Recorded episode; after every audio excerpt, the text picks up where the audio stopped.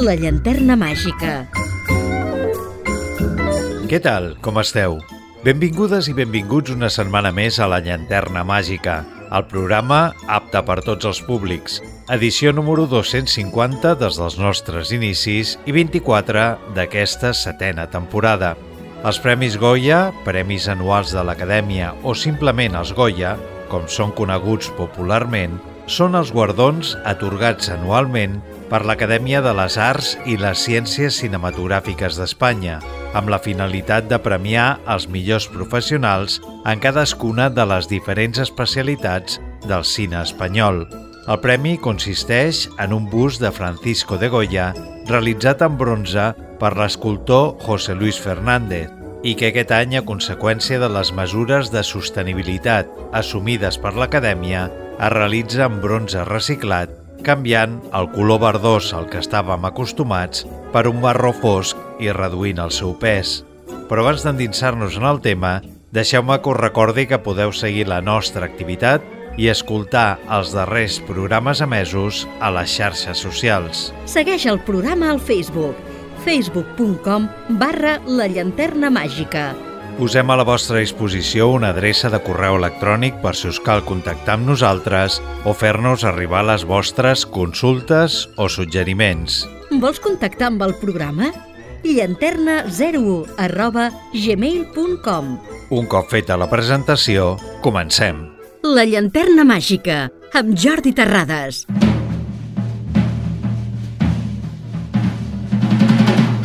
La cerimònia d'entrega dels Premis Goya es va celebrar l'11 de febrer a Sevilla. Després d'una edició sense presentadors, en aquesta ocasió els mestres de cerimònia han estat els actors Clara Lago i Antonio de la Torre.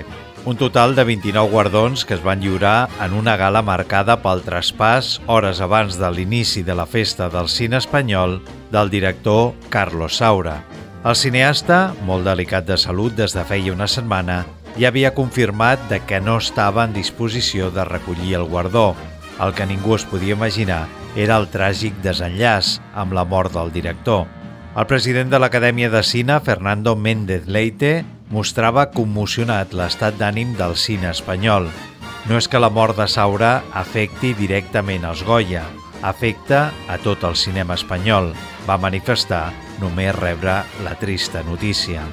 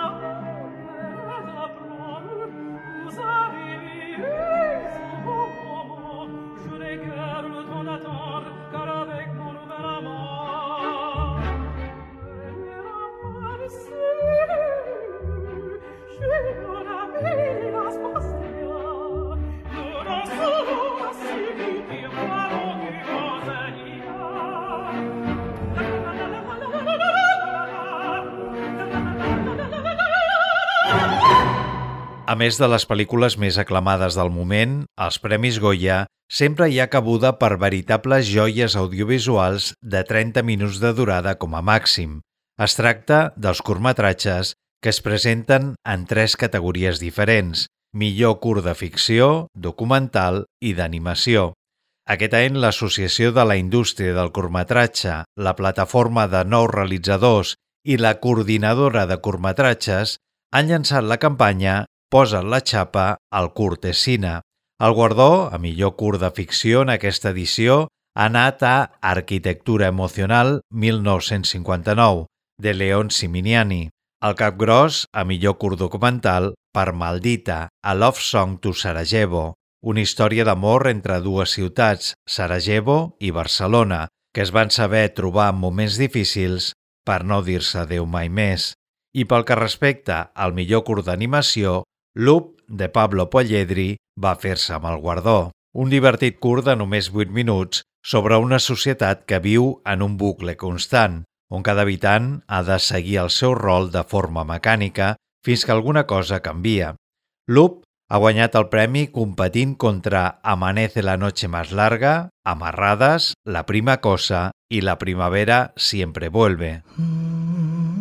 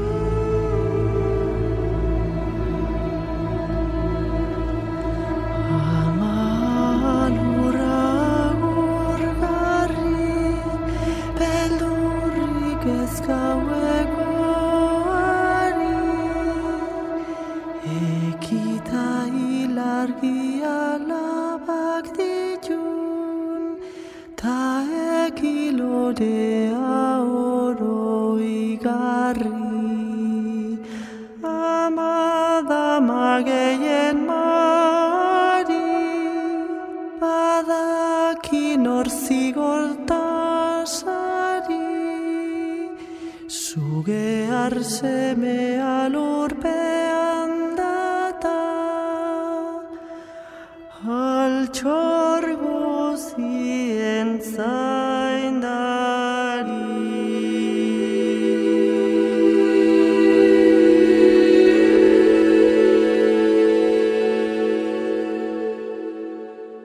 Leiva, que va recollir el Goya millor cançó original per la seva composició al costat de Joaquín Sabina, de la producció Sintiéndolo Mucho, li va prometre al músic de Jaén, absent a la gala, portar-li el guardó pel seu aniversari. El cantant, que repetia guardó al rebre l'any 2018 el premi a millor cançó original per La llamada, va manifestar en el seu discurs d'agraïment a aquest Goya que feia tres anys del seu accident, referint-se a Joaquín Sabina, i ens semblava bonic animar-lo a tocar junts per recuperar la confiança i sentir-se músic una altra vegada. És una situació crucial per tornar a la carretera, així que és bonic rebre aquest premi. En aquesta categoria també competien les composicions En los márgenes d'Eduardo Cruz i Maria Rosalén per la pel·lícula del mateix nom y Cena Duena Bada d'Aranza Zucalleja, Maite Arroita Jauregui i Paul Urquijo per Irati, Un paraíso en el sur de Paloma Peñarrubia Ruiz i Vanessa Benítez Zamora per La vida Chipén i Batalla de Joseba Beristain per Unicorn Wars.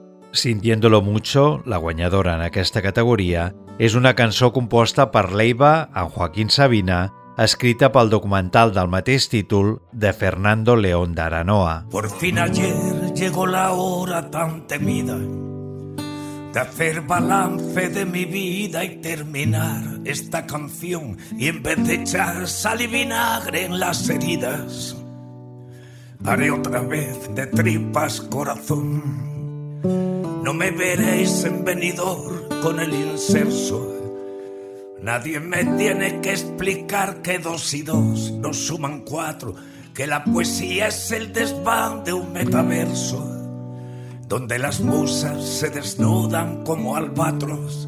No tengo nada que olvidar de mi pasado, por eso espero que el olvido no se olvide de quién fui.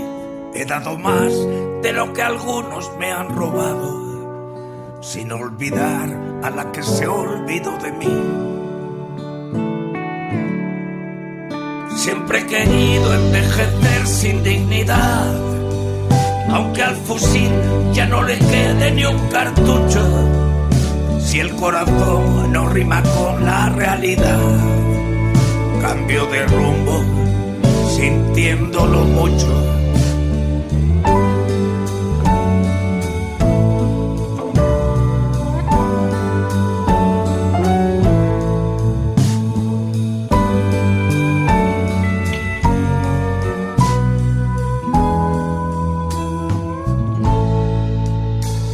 Muchos creyeron que me habían amortizado. Cuando viajé del Within Center en camilla al hospital, con los dedos del serrate entrelazados, devolviéndome las ganas de cantar. El pan de ayer no es un buen postre para hoy. Mañana lunes es momento de inventarse y apostar ya que Fernando me ha pintado en esta peli tal cual soy, un taur que no se cansa de arriesgar. Siempre he querido envejecer sin dignidad, aunque al fusil ya no le quede ni un cartucho, si el corazón no rima con la realidad. Cambio de tercio, sintiéndolo mucho aunque entre el sueño y el papel algo se pierde. Y con los años duele más cuando me escucho fingiendo ser un estupendo viejo verde. Y lo de viejo sintiéndolo mucho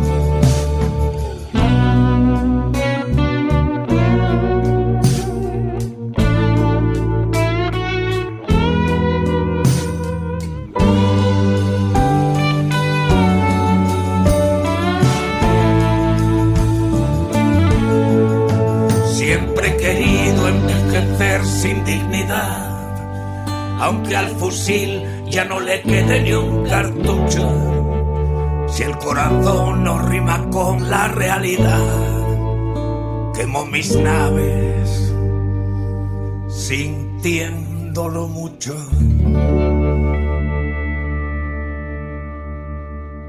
La llanterna màgica, a Ràdio Sabadell. Fran Araujo, Isa Campo e Isaki La Cuesta van rebre el Premi Goya a millor guió adaptat pel seu treball a Un any una noche. Aquest guardó aspiraven Carlota Pereda per Cerdita, Paul Urquijo Alijo per Irati, Guillén Clua y Oriol Paulo por Los renglones torcidos de Dios y David Muñoz y Félix Vizcarret per No mires a los ojos. Isaac i la Cuesta sempre ha tingut predilecció per les persones més que pels personatges, a l'hora de convertir-los en els protagonistes de les seves pròpies històries. És per això que no és estrany que la primera adaptació d'un llibre que es realitza sigui precisament un relat autobiogràfic. A Paz, Amor i Death Metal, l'espanyol Ramon González abocava la seva experiència a la sala Bataclan el dia dels atemptats jihadistes d'una manera tan precisa com crua, però la major part del relat tenia lloc després, durant el llarg calvari que va travessar a l'hora de superar el trauma.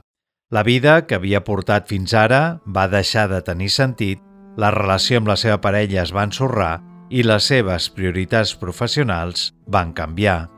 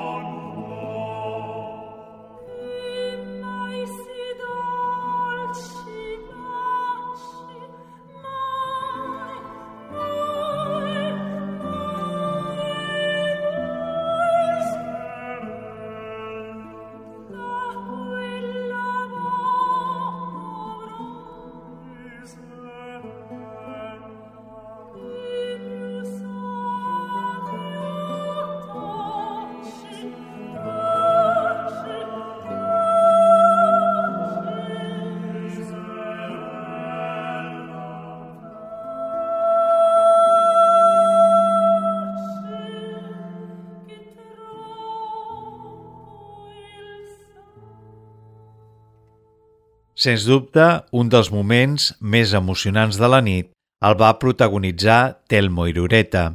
L'actor de 34 anys nascut a Zumaya va guanyar el premi a millor actor revelació per La consagració de la primavera, de Fernando Franco, una pel·lícula que aborda la sexualitat a les persones amb discapacitat.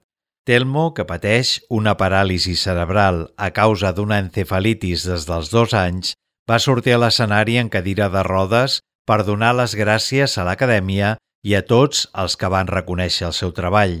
La seva tieta és Elena Irureta, actriu de Pàtria, producció amb la que va aconseguir el Feroz l'any 2021. Rodada cinc anys després de l'excepcional Morir, la consagració de la primavera, s'atreveix a parlar del treball sexual clandestí en temps on les posicions abolicionistes, faltes de matisos, semblen interioritzades, però no amb les armes del cine polític, sinó des de la perspectiva íntima d'una protagonista desubicada. Fernando Franco reflexiona, a la consagració de la primavera, sobre el concepte d'intimitat i els prejudicis que tenim, tant educacionals com culturals, quan es parla sobre l'assistència sexual cap a persones que tenen algun tipus de discapacitat.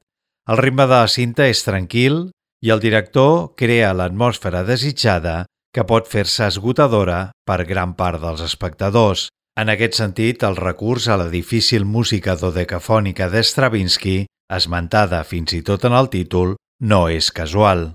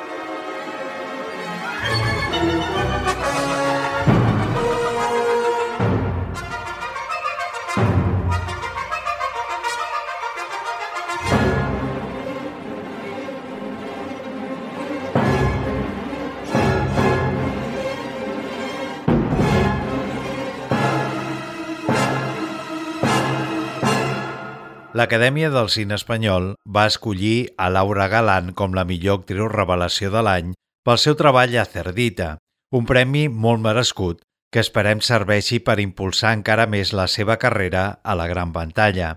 Escrita i dirigida per Carlota Pereda, Cerdita explica la història de Sara, una jove que pateix les burles constants d'altres noies del poble on viu.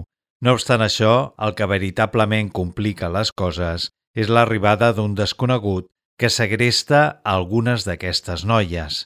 Galant ja havia interpretat aquest mateix personatge en el curt del mateix títol estrenat l'any 2018 i sorprèn que l'actriu, que ja té 37 anys, doni vida a un personatge adolescent.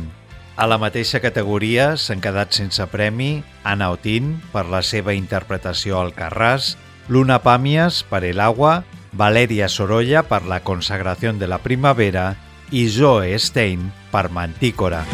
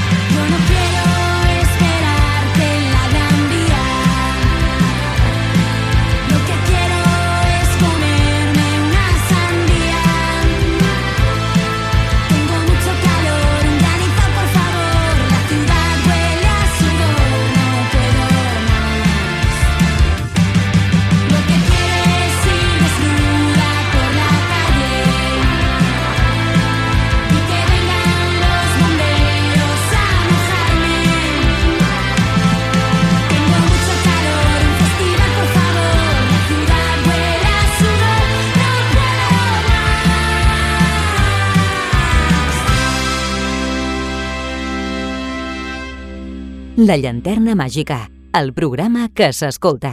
L'any 2020 es van complir 10 anys de la mort de José Antonio Labordeta i per recordar la seva figura, l'any 2019, un any abans, la Fundació Labordeta va començar a treballar en un documental, Labordeta, un hombre sin más, dirigit per Paula Labordeta, filla del cantautor, i el cineasta Gaisca Urresti.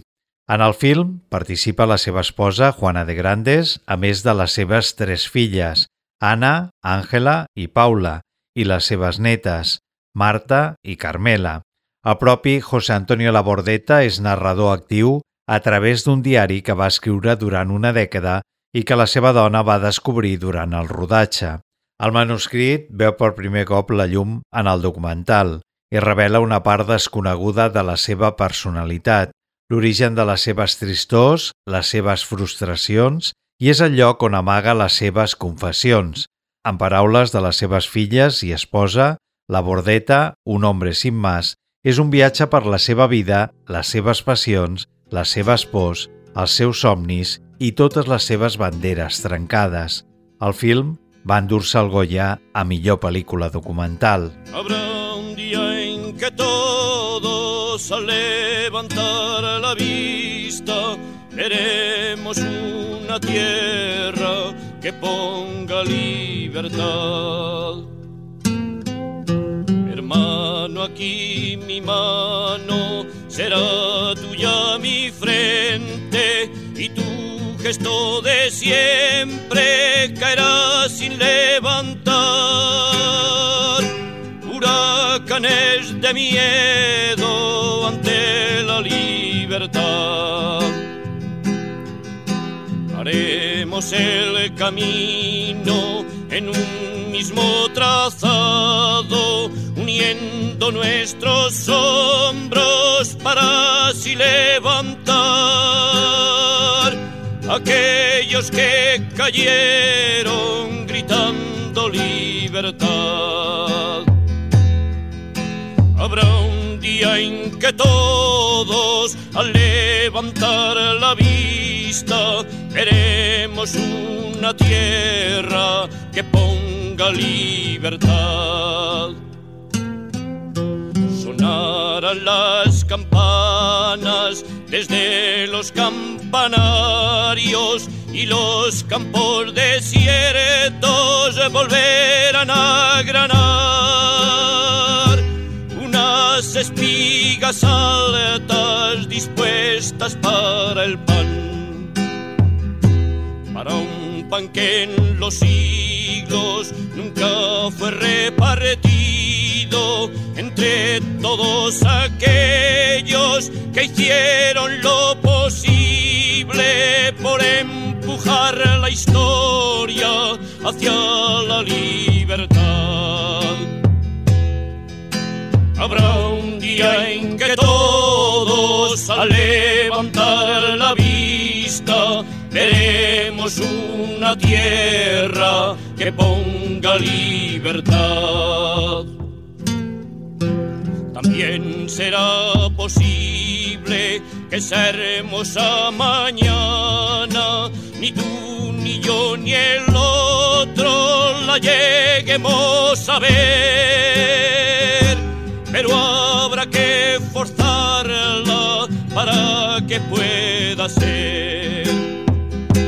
Que sea como un viento que arranque los matojos, surgiendo la verdad y limpie los caminos de siglos de destrozos contra la libertad. Habrá un día en que todos, veremos una tierra que ponga libertad.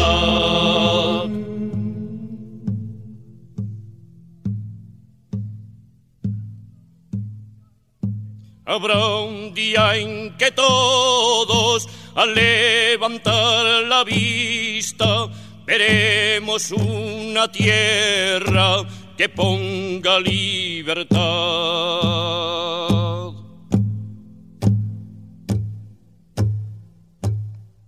Unicorn Wars d'Alberto Vázquez va guanyar el Goya a millor pel·lícula d'animació. Entre la comèdia, el drama i el terror bèl·lic, Unicorn Wars també va estar present a la selecció oficial en el Festival de Cine de Londres, Animation is Film Festival i el Fantastic Fest. El premi suposa un acte de justícia a un creador únic que ha estat posant el nom del nostre país a l'estranger, però aquesta no és la primera vegada que la feina d'Alberto Vázquez ha estat reconeguda per l'Acadèmia. El director és un vell conegut i ja va guanyar en la categoria de millor curt d'animació amb els curts Bear Boy i Decorado l'any 2011 i 2016 respectivament i també en aquest 2016 per Psiconautes, Los Niños Olvidados, la millor pel·lícula d'animació. Per altra banda, la cinta Argentina 1985 de Santiago Mitre També va rebre l'estatueta que la distingeix com a millor pel·lícula iberoamericana, inspirada a la història real del fiscal Julio Estracera, Luis Moreno Ocampo i el seu jove equip jurídic es van atrevir a acusar sota constants amenaces els alts comandaments de la sanguinolenta dictadura militar argentina en l'anomenat Juicio a las Juntas de mitjans dels anys 80. Lanzó una memoria en este río que se esparza y se haga libertad. En la plaza lloran a sus hijos. No perdono ni pienso olvidar. Canto porque vivo, vivo al cantarlo. Se pinto de sangre la celeste y blanco. Canto porque vivo, vivo al contarlo. Quedan dos palabras en mi abecedario.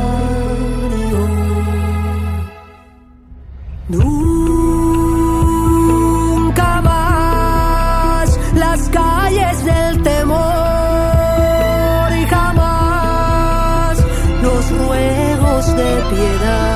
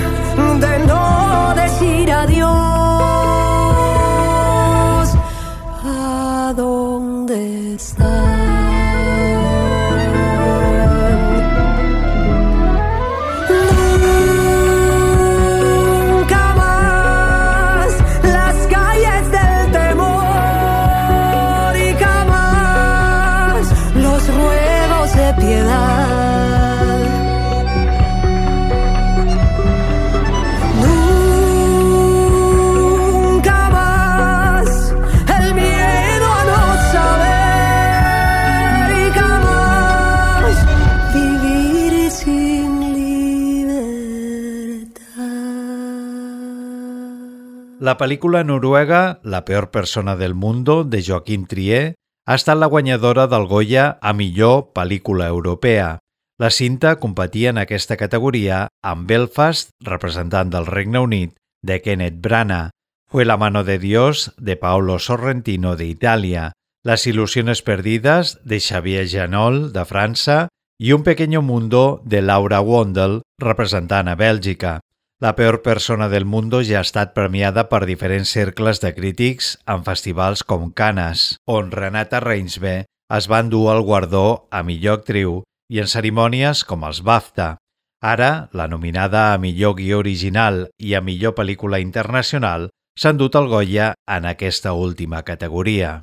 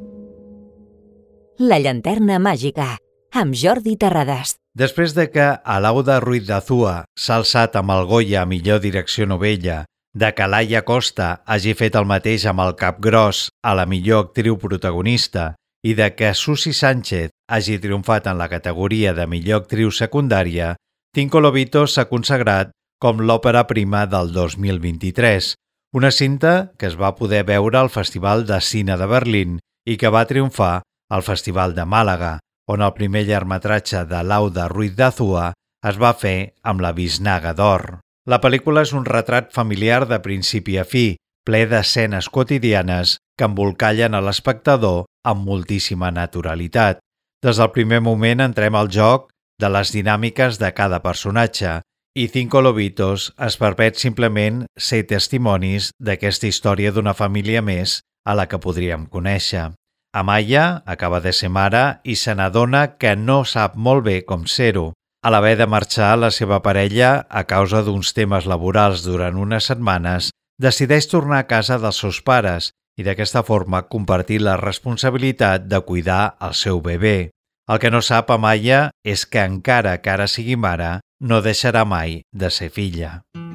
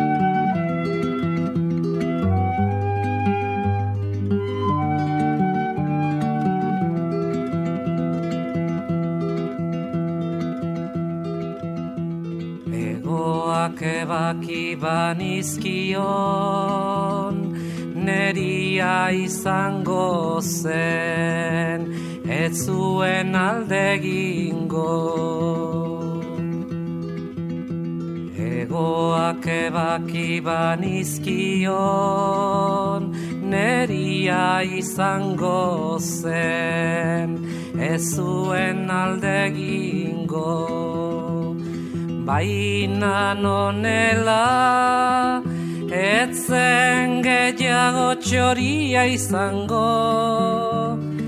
Baina nonela etzen gehiago txoria izango. Eta nik txoria nuen maite eta nik txoria nuen maite.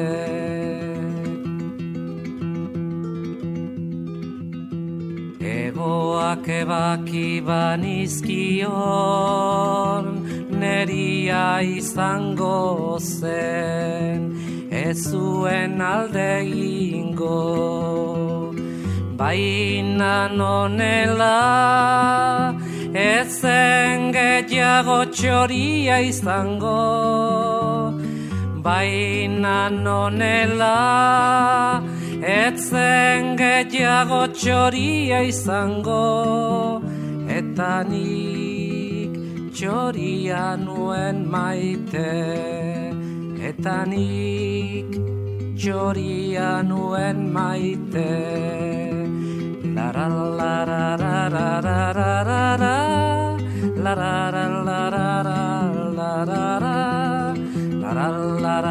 la la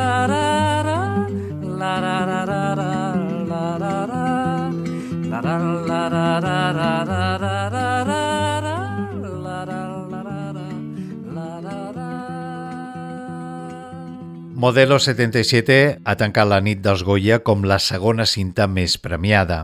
Malgrat no haver pogut superar al final a Asbestes, el film d'Alberto Rodríguez s'ha endut 5 Goya a millor direcció artística, millor disseny de vestuari, millor maquillatge i perruqueria, direcció de producció i efectes especials. Alberto Rodríguez utilitza el personatge de Miguel Herrán, Manuel, un comptable que ha estat hàbilment exposat per ser condemnat per desfalc per introduir-nos a la coneguda presó que després de la dictadura va començar a demanar una amnistia per a molts dels presos que havien rebut condemnes exagerades e injustes, ja fos per motius ideològics o no.